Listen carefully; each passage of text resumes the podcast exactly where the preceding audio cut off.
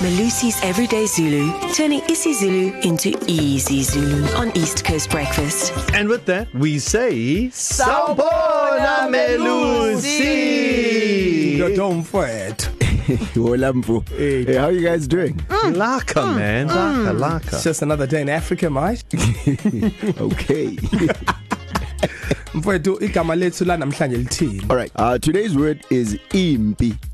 Khona impesa. ah. Well, Nancy Bieza. What's that? Yes. Sithinta mabhubesi. My understanding is uh, because when I took history at school, Impy was a warrior, No. was a soldier. No. No. I'm way off. Yes. Yeah, boy. They've obviously- they've but changed you're not the the, only one. textbooks. They've changed the You're not the textbooks. only one, though, right? Um, Okay. Yeah. So, so white South Africans were taught that. Yes. But impi is actually war, battle, or fight. Yeah. Really? Ah. Yeah. So it's not yeah. the soldier, it's the actual No. Isocha activity. ibuto. Oh! Yeah, ibutho. Who, who was your your teacher who said this? Who told the impesa? Chuluga, it was a I'm jo- busy, busy sending, yeah, just Johnny Click. yeah, Yeah, John- Um, but Johnny Chuluka Clegg. got it right. He says war is coming, not that a soldier is coming. Yeah. Okay, I'm gonna say That is actually Windows 100%. A lot of people needed to know that. Yeah. Can you Yes, just repeat is that? that, to- yeah. So when Uchulu Johnny Clegg said Impi Ieza, he wasn't saying a soldier is coming, he was saying war is coming. So Impi is war, battle, fight. Mm-hmm. And a soldier or warrior is Ibuto.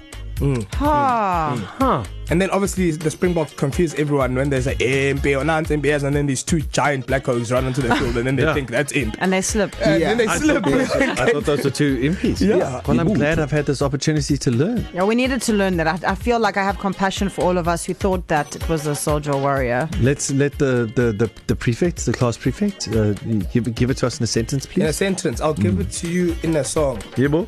Uh, so UKZN Impi, the rugby team, Yeah. yeah. before they play, they sing Hungaja Impi Impi Abula Lungaja Yeah, yeah, yeah. yeah. Impi Abula. Now, are they so, using are they using impy correctly? Because their team is called impy. Yes. So Yes. their Yeah. team's called war. So, yeah, so like we're singing as if don't rush to get into a war with us because war will kill you. Oh. Okay, Mills. Um, so when my sister and I were small, if I would take her clothes without asking her, kukona impi. There was there is war. You, you said it in the present, Yeah. not in, in the past tense. Yeah. So I could I couldn't think of how to say the past tense. Kwakukona war. Kwakukhona impi.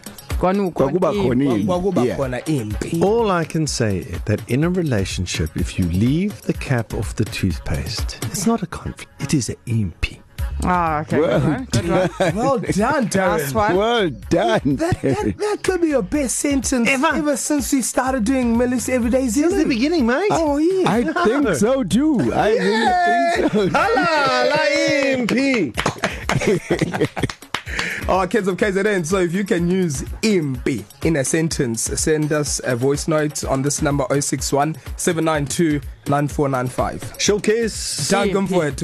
Bonge mina. Sure, guys.